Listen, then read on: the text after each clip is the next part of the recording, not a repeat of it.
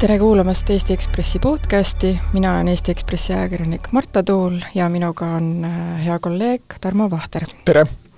räägime sinu viimasest suurest loost, mis, äh, mis äh, ei ole, võiks öelda, et verivärske uudis, aga on igatahes väga-väga põnev lugu.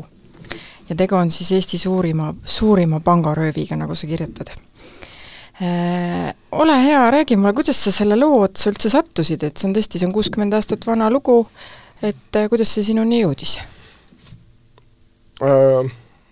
Jah, iseenesest see lugu ei ole selline, millest nüüd ei oleks siis ütleme, viimase kahekümne aasta jooksul üldse kirjutatud, et aeg-ajalt on meediast läbi käinud, aga mina juhtumisi sattusin nägema äh, Äh, Rahvusarhiiv on teinud sellist tänuväärset tööd, et nad on siis äh, digiteerinud neid äh, vanu kroonikafilme ja ringvaateid ja siis on pannud need avaliku vaatamiseks üles Filmiarhiivi koduleheküljele.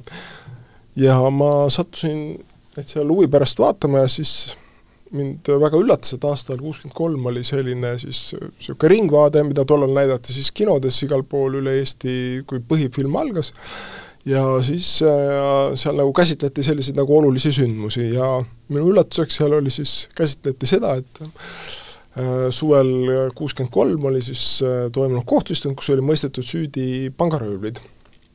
ja see oli üllatav sellepärast, eks, et esiteks Nõukogude ajal nagu kuritegevusest nagu väga palju ei räägitud, no räägiti küll, aga seda äh, sellest ei kirjutatud ajalehtede esikülgedel, sellest kirjutati niimoodi tavaliselt kusagil tagumisel küljel ja hästi vähe ja pärast sündmuste toimumist, aga seda nagu näidati ja seal, mis seal veel oli tehtud, nad olid seal lausa, olid siis teinud selle röövi, olid nii-öelda taastanud, selles suhtes, et seal siis oli võetud seesama autojuht, noor autojuht, kes, Roland Ollo, kes oli siis seal autoroolis, mida need röövlid kinni pidasid ja kust nad raha ära võtsid temal oli palutud siis samasuguse auto, võib-olla isegi seesama auto, täpselt seda ma ei tea, oli palutud samasuguse autorooli istuda ja siis äh, seda rääkis mulle tema poeg, seepärast ma tean seda.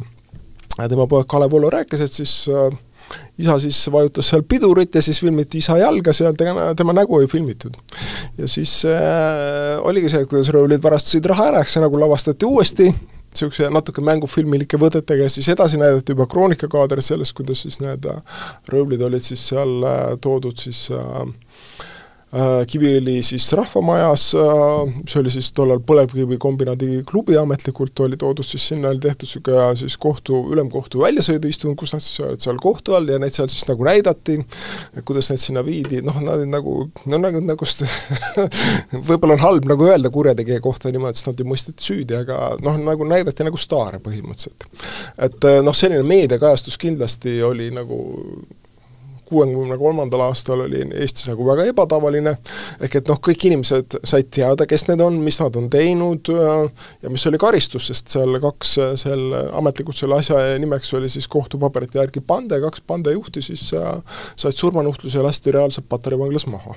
ehk et kõik inimesed said seda põhimõtteliselt teada ja sellest räägiti avalikult ja see tegigi nad hästi nagu noh, paratamatult noh, kurikuulsaks või kuulsaks. et äh, see oli nagu see, see film oli nagu see, mis niisugune äh, tekitas nagu niisuguse vau-efekti.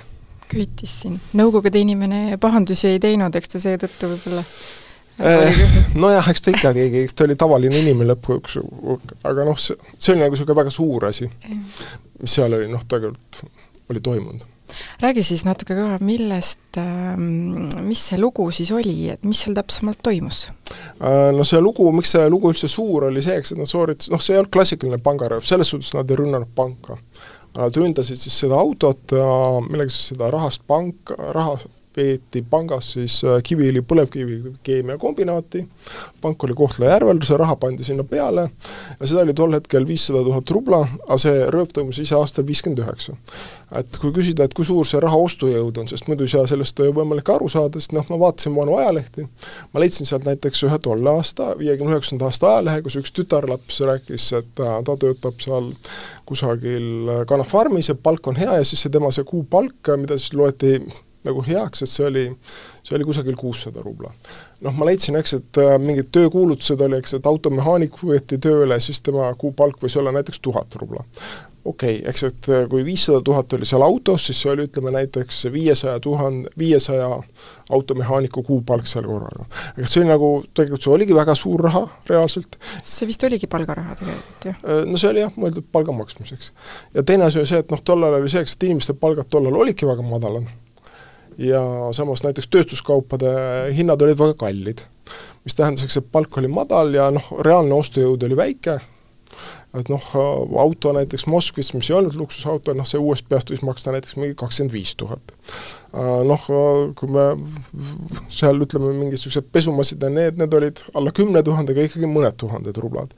et kui me võtame niisuguse sellise täitsa tavalise inimese, siis selleks, et seda pesumasinat või seda osta, kui ta töötas seal kanafarmis, siis see võis ikkagi olla, ütleme, tema mingi mingi näiteks aastapalk või midagi sellist, et äh, et selles suhtes tavalise inimese seisukohalt see oli ka väga suur summa, mis rööviti.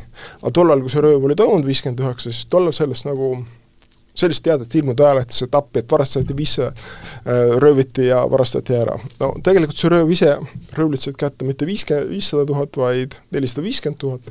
lihtsalt sellepärast seda raha oli nii palju see oli pandud kahte mingisse sellisesse suurde inkassaatorikotti ja siis kõik mahtus sinna ja siis see kassapidaja või kassiir, kes seal oli sellest kombinaadist, siis selle kümnendiku ehk viiskümmend tuhat rublit ja toppinud veel mingi enda veel mingi enda isikliku koti, jah, no võib-olla see ei olnud päris käekott, sest see oli selline aeg, kus rublad olid hästi suured.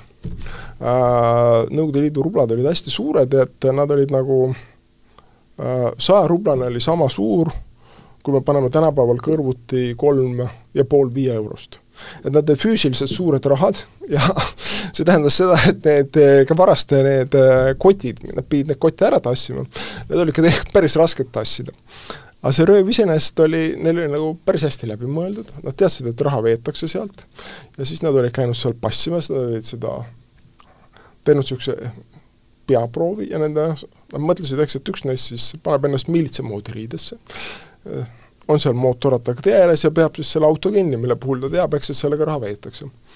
sest nende see kambajõmm oli siis käinud seal panga juures, sõitis, ütles, et noh, raha pandi peale, Moskvist tuleb ja siis nad pidasidki selle kinni, aga siis seal istus ka üks valvur, üks äh, viiekümne üheksa aastane mees, äh, ja siis see hakkas relva võtma ja siis äh, need röövlid läksid nagu paanikasse sellest ilmselt. sest see, kes oli pidanud selle mootorratta kinni, tal oli küll püstol käes, aga see püstol ei olnud nagu laskekõlbulik. ja siis ta nagu hakkas seal nagu hädaldama või noh, et lase, lase või mis ta iganes seal ütles, umbes sellist, et ja siis teine röövl, kellel oli siis, oli tulnud seal kusagilt põõsast välja, kellel oli sukk peha, hele sukk, naisterahva sukk pähe tõmmatud, see siis jooksis sinna akna juurde, toppis selle püstoli sinna vastu ja siis vajutas päästikule, mille kõlasid lasud, valvur sai surma, mis loomulikult noh, kogu seda röövikäiku selles suhtes muutus, sest, muutis, sest kui kui ütleme, kui see valvur oleks, kui inimesed oleksid jäänud ellu, siis noh, mina ei oska öelda, millise kohtuotsuse see ülemkohus oleks teinud, noh, võib-olla neid ei oleks äh, maha lastud selle pärast hiljem. aga igal juhul, et asi selles suhtes läks nagu karmiks. aga noh, selles suhtes äh, röövlite seisukohast ütleme, oma, oma plaani nad nagu suutsid realiseerida. selles suhtes, eks, et äh, see autojuht ja kassiir, neid jäeti maha, siis röövlid võtsid selle auto ja sõitsid sellega minema, kus siis oli see nelisada viiskümmend tuhat oli peal, noh, siis neil tekkisid muidugi mingid äpardused, et see sõber, kes pidi nad kinni siis äh, peale võtma, see ei jõudnud nii kiiresti sõita, jäi ennast maha, siis nad jätsid selle auto maha mingi viiskümmend kilti eemal, kahekesi läksid.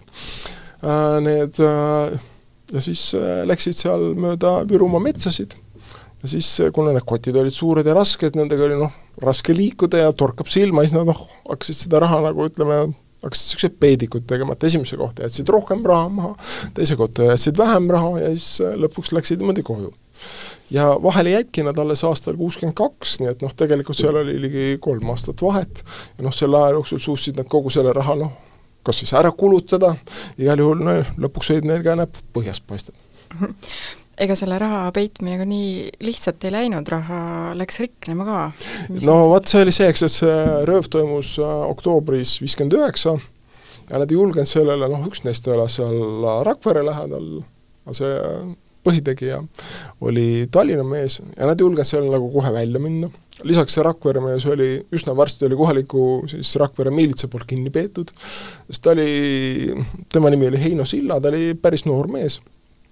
Aga tal oli jah, aga tal oli see, et noh, ta, ta nagu armastas kõvasti viina juua ja siis tal läks nagu, kaotas nagu kontrolli, et hakkas rääkima, et tema tegigi selle röövi, et noh, ta rääkis seda oma kodus oma vanematele ja noh, neil ei neil sellega ei olnud nagu probleemi, sellepärast et oli osa raha oli peitnud sinna voodi tope, tooli topeltpõhja vahele, kus siis ema võttis seda raha ja äh, ja neil ei olnud probleemi. aga siis lisaks rääkis ta seda mingites kõrtsides, et sai niisugune asi tehtud ja loomulikult äh, siis äh, jutud liikusid, ühel hetkel korjati ta ära, viidi miilitsasse, hakati teda uurima, no siis, kui ta kaineks sai, siis ta ütles, et äh, ta tegi lolli nalja või midagi sellist, ühesõnaga ta lasti lahti. aga tegelikult jah, ta oli väga ruttu, oli ta nagu tegelikult kahtlusaluste hulgas.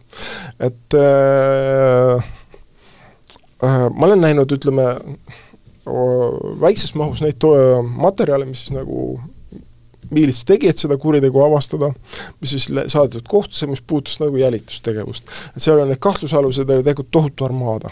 et noh, umbes kõik, kes seal olid seal kombinaadis kunagi töötanud või kes võisid olla kellegi sugulased või nii edasi ja nende hulgas oli ka see Heino Silla, sest üks kahtlusaluste kategooria olid siis endised miilitsatöötajad, kes on hiljuti lahti lastud, midagi sellist. see Silla oli tõesti töötanud miilitsas umbes mingi kolm kuud, siis ta oli seal Rakveres, seal oli laaberdanud ja purjutanud, selle eest sai ta kohe sulasappa, aga noh, ta läks nagu sellesse endiste miilitsaste kategooriasse, keda tuleb kontrollida. ja noh, tagantjärgi on seda nagu naljakas vaadata, eks, et nagu see kuu-kuult kordub, jälle mingi uus operatiivplaan, salajane, siis on selgitada ikkagi välja, et mis värk selle sillaga on, et kas tema võib see olla. noh, tagantjärgi võiks öelda, et kuidas nad seda kohe ei avastanud, aga noh, neid võimalikke kahtlusaluseid oli seal äh, tohutult palju ta lihtsalt uppus nagu nende üldisesse sellisesse äh, massi ära. üleüldse olid äh, paljud neist miilitsad, tead sa ka äh,, miks, miks nad sellise eluala inimesed justkui sellise plaani peale tulid? Ah, sellele on raske vastata, aga oli küll, jah. lõppude lõpuks neid kohtus mõisteti süüdi selles seltskonnas nagu kaheksa inimest ja nendest tõesti viis olid töötanud miilitsatena. et äh, ei, ma ei oska seda sulle vastata. aga noh, siin on mitu asja, eks, et äh, mitmed neist olid läinud miilitsasse tööle juba ütleme, pärast sõda Stalini ajal ja noh, on nagu raske hinnata, mis nagu inimesi tol hetkel viis sinna tööle, sest kõik need tegelased olid eestlased tegelikult äh,, noored Eesti mehed. et äh, noh, see on nagu raske vastata. aga ilmselt pidi olema mingi motiiv, mis neid sinna viis ja see ilmselt see tol hetkel, see miilitsas töötamine ei olnud see, kui keegi tänapäeval läheb, noor Eesti mees läheb tööle politseisse, ma arvan, et seda kindlasti ei saa sellega võrdsustada. et äh, ilmselt see motiiv, miks siin minna miilitsasse tööle Nõukogude võimu esindajaks juba Stalini ajal, see, ilmselt seal oli midagi muud, mida ma ei oska seletada. midagi muud ilmselt seal oli midagi muud äh, aga mis nad selle rahaga tegid? mis nad rahaga tegid? Äh, see oli üks uurimise põhiküsimusi, uurijad üritasid aru saada. Äh, Nad üldiselt jagasid selle raha omavahel ära, need põhitegijad said rohkem, teised said hulka vähem, äh, aga siis see raha, mis nagu seal, kuna nad olid jätnud selle sinna Äh, puu juure alla, kui nad läksid järgi, selgus, eks, et osa raha oli siis lumesulamisveega kokku saanud ja ära riknenud, et seal olid need rublavärvid olid hakanud siis äh, laigud tekkima ja nii edasi, selgus, eks nad seda arvutit, seda kasutada ei saanud. siis nad viisid, osa raha viisid siis äh, selle Äh, põhitegelase koju Niguliste tänavale Tallinna vanalinnas ja siis äh, elasid, see elas seal ühiskorteris, pani siis enda selle toaukse kinni ja siis nad tegid sellise rahakuivatustöökoda sinna.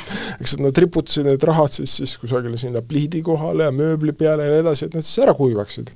ja kui need olid ära kuivanud, siis nad kasutasid ühte äh, tuttavat raamatupidajat, kes siis seda ühe oma tuttava müüja juures hakkas mingis gastronoomis siis ümber vahetama. et nagu jälgi ei jääks aga mis nad tegid, noh, kõige suuremad ostud olid, üks olid, nad ostsid kaks autot et noh, auto oli tollal kallis, ametlikult nagu autot osta noh, nagu oli keeruline selles suhtes, eks, et oli nagu järjekord, eks, et noh, põhimõtteliselt need olid müügis, aga sul pidi olema kuidagi, et sa saad selle ja jah, et sa, et, et see sinu järjekord jõuab nüüd kätte. ja nad tegid nagu kaks trikki, mis on iseenesest äh, päris huvitavad. et äh, üks neist äh, kelle nimi oli Kaupo Viira, kes oli ka endine miilits, ta oli töötanud siis äh, Toompea lossi miilitsa vahtkonnas äh,, siis äh, tema, tema tahtis uut Volgat. tema oli see mees, kes siis oli jälginud seda, kuidas rahaauto välja tuleb ja siis äh, viis oma sõpradele siis selle sõnumi, et rahaauto tuleb, et nüüd võite röövima hakata, noh tema oligi nagu ütleme, autojuht ja siis mingi niisugune julgestaja. et äh, siis äh, tema tahtis uut Volgat ja siis ilmuski ajalehes ilmus uudiseks, et oli olnud see ametlik siis riiklik mitteametlik, kui tollal ei saanud olla, eks oligi ametlik see raha ja asjade loterii, et siis üks Türil elava noor daam oli võitnud peaauhinna Volga ja selle nimi oli ilusti hääletes ära trükitud. ja siis ta nägi, eks, et ilmselt see teade jõudis talle ja ta oli olnud selle tütarlapsega kirjavahetuses kunagi, kui ta oli sõjaväes. siis ta läks sellele sinna Türil ukse taha, ütles, kuule, müü see Volga mulle, et sul ei ole ju Volgat vaja, noh, tüdrukul ei olnud ka juhilubasid ja siis äh, lõppude lõpuks äh, jäigi nii, eks, et äh, siis ta müüski selle rohkem kui neljakümne tuhande rubla eest, müüs siis selle Volga sellele viirale, kes sai selle. Volga oli ju toona ikkagi väga luksuslik. nojah, no see oli see, mis nagu niisugune, mis oli nagu võimalik saada. noh, oli veel luksuslikumaid autosid nagu Tšaika, aga neid vist ei müüdud poest. ühesõnaga, et ja tema siis sai sellise uue Volga selle raha eest ja siis see teine röövel, Heino Silla, kes oli siis äh, see, kes röövimise käigus osales ja sellena, et ta pidas siis selle äh, Miltsa riietes selle inkassaatori auto kinni ja siis äh, hakkas karjuma siis, kui nägi, et valvur relva välja laseb, välja võtab. Äh,, siis äh, tema, temal oli rohkem raha, tema sai siis, oma osa oli vist üle saja tuhande, eks, ja siis tema tahtis ka autot. Äh, ja siis aga, kuna Tallinnast oli autosid raske saada, võib-olla ka sellepärast, et nad ei tahtnud Tallinnast osta, ja siis sõitsid Moskvasse. Võtsid kaasa just selle naisterahva, kes oli siis äh,, osutas nii-öelda rahapesuteenust ja neile võtsid selle kaasa. Ja siis läksid seal Moskvas seal otsima, kus neid autosid müüakse. Ja siis äh, neile pakutigi suhteliselt väikse läbisõiduga Pobedat mis äh, üllataval kombel kuulus siis äh, endisele Nõukogude Liidu teedeministrile, ühele kindralleitnandile, kes siis müüs sellega rohkem kui neljakümne tuhandega maha, ametlikult pandi paberitesse kirja auto hinnaks kaks korda vähem.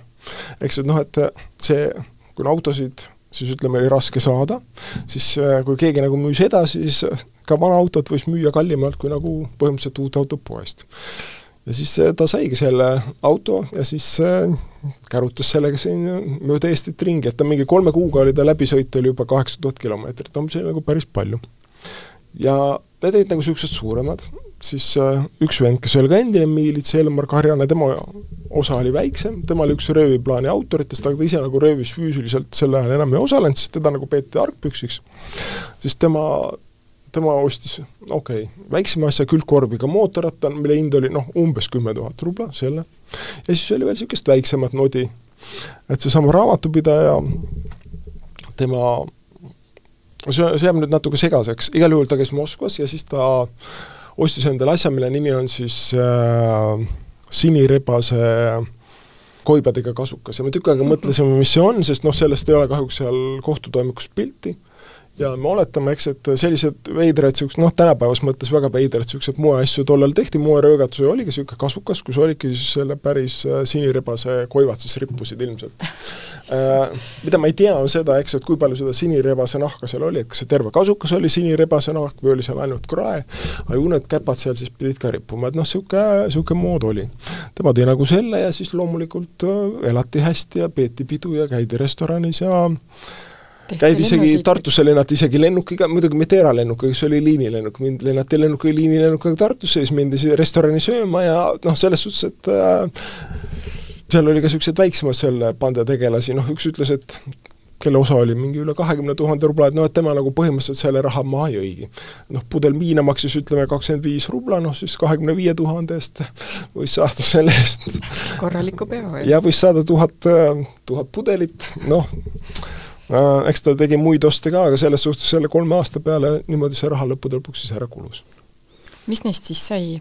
no nendest sai see lugu, et siis, kui raha oli otsas, siis äh, need, kes ei olnud kõige nupukamad mehed, need, kes olid Rakvere mehed, neil oli raha otsas ja siis nad läksid äh,, need olid vennad Sillad, mõlemad endised miilitsad, ja nad läksid siis äh,, teadsid, eks, et selle ühe ämma all on, on äh, tsaariaegsed kuldrahad ja siis äh, võtsid siis äh, ühe nii-öelda alltöövõtja, saatis selle siis neid kuldrahasid röövima. aga ja saigi kaks kuldraha kätte. aga see ämm nagu teadis, et ta on rääkinud seda kuldrahade olemasolust ainult oma tütrele ja väimehele. ja ütles miilitsale, eks, et noh, küllap siis need olidki ja siis korjati need sealt üles ja siis äh, siis, siis nad lõhki läksidki niimoodi ja siis äh, ühesõnaga niisuguse täiesti tühise asja eest. No ütleme, mitte tühise asja eest, noh selles suhtes, eks, et enne seda olid nad, kuna neil raha ei olnud, nad olid teinud veel niisuguseid äh, tänapäeva mõistes niisuguseid veidraid asju, et nad olid kusagilt mingi koloosi sea, sea olid ära tapnud laudas ja siis äh, selle äh, sea kaasa vedanud ja siis äh, ära tükeldanud ja siis maha müünud. siis olid kartuleid varastanud ja noh, niisugused, no niisuguseid labaseid asju juba. Mm ja niimoodi nad siis vahele jäid ja siis rääki-, lõpuks tuli kogu see suur asi ka välja, siis korjati kõik ära ja anti kohtu alla. Nad said karistuseks äh, surmanuhtluse? kaks tükki said jah, need, kes osalesid mm. siis äh, konkreetselt selles äh, röövimise koha peal, see, kes lasi valvuri maha ja siis see, kes siis hüüdis talle, et lase. kas see surmanuhtlus toona, tead sa, oli selline tavaline asi või? Aga mul ei ole statistikat, ma ei oska sulle öelda, eks, et kui palju seda anti. Äh, aastas, see võis olla ka erinev, aga selles suhtes, et ma olen aru saanud, et äh, seda aeg-ajalt ikkagi juhtus kuuekümnendatel aastatel, vähemalt siis kindlasti, et ma ei saa öelda, et seda iga kuu anti Eestis, aga tegelikult neid juhtumeid ikkagi oli, põhiliselt need olid siis ütleme, no põhimõtteliselt tapmiste eest, jah. et tapmise eest see ei olnud nagu tegelikult väga haruldane karistus kui seda loeti nagu ütleme siis mõrvaks mingitel raskenduvatel asjaoludel, vaid siis noh, tollane õiguskäsitlus oli see, et et nii peab olema ja nii seda siis tollal ellu viidi. sa alustad oma artiklit niimoodi, meie palume südamest, andke meie isale armu. algab lapse käega kirjutatud armuandmispalve. kelle palve see oli ja kelle eest? nojah, see no see on jälle, mis nagu sellele loole annab nagu sellise teistsuguse, teistsuguse tooni, on tõesti, eks, et äh, see, kes oli selle, siis ütleme, pandejuht, Felix Martin, kes oli endine miilitsaleitnant, ta oli noh, selles hierarhias nendest äh, kõige kõrgemale jõudnud. Ja noh, ta oli kindlasti selles suhtes, ta oli võimekas inimene. sest ta oli saanud ka miilitsatöös, oli saanud äh, mitmeid preemiaid, tal oli kingitud seal nimelisi kelli ja selliseid asju, et noh, nüüd teised olid nagu niisugused kahvatud kujud ja noh, mõned olid sellised, et neil nagu mõnel teisel ilmselt kupli all väga midagi ei olnud, sest noh, tema oli ikkagi selline äh, ilmselgelt äh,, ilmselgelt oli ta niisugune andekas inimene.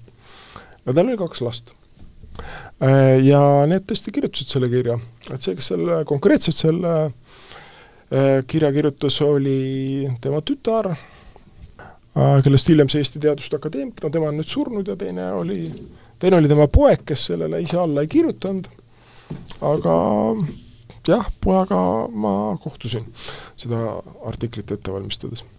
see tegu ei teinud tema elu teps mitte lihtsaks, isa pahategudega tuli tal edasi elada?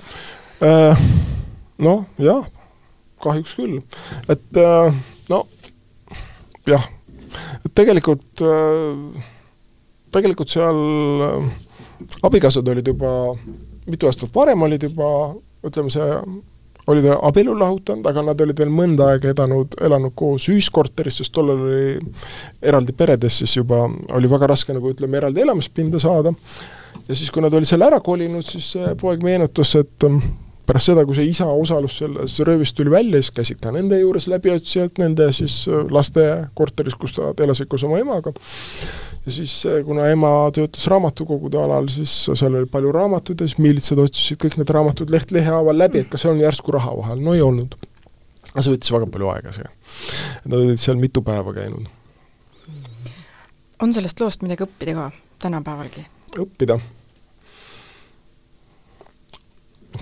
Ma ei oska nii öelda, õppida siis äh, mis mõttes, noh, siin võib erinevaid mõtteid öelda et äh, noh, ühest küljest on see, et kuritegevus lõppude lõpuks ikkagi ei tasunud ära.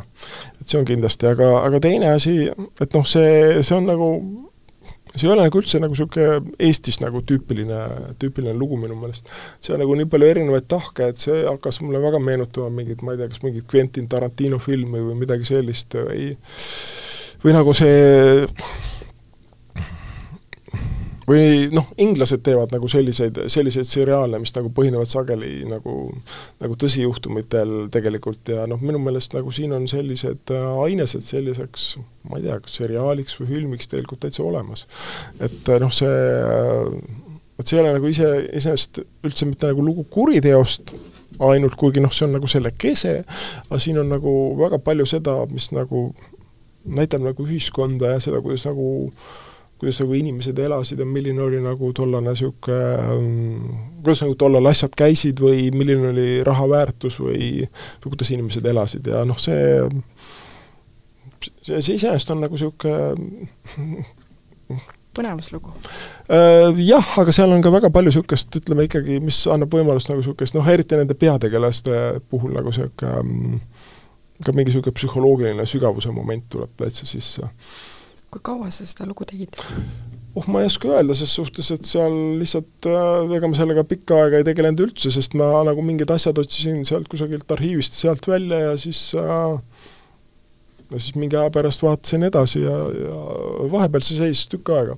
lihtsalt sellepärast, eks, et me, kui me olime kolleegidega rääkinud, et me sellise asja saaks teha, ja mõte oli see, et seda saab just äh, siis äh, veebis palju, palju huvitavamalt näidata kui paberis, et siis me panime endale paika, et see võiks ilmuda siis, äh, kui on kuuskümmend aastat sellest, äh, sellest kohtuotsusest, millest tehti seesama dokumentaalfilm. et siis noh, lõpuks me panime lihtsalt selle kuupäeva järgi selle. selge pilt. aga ma loodan, et sul on äh, varsti jälle mingeid selliseid toredaid ja huvitavaid lugusid no see tulemas. lugu ei olnud tore ju see lugu ei olnud ju tore ta oli väga, väga põnev lugu, mulle väga meeldis see lugu, ma usun, et teistele lugejatele ka et loodame, et neid tuleb veel ja veel. aitäh sulle, Tarmo! väga hea, kena päeva!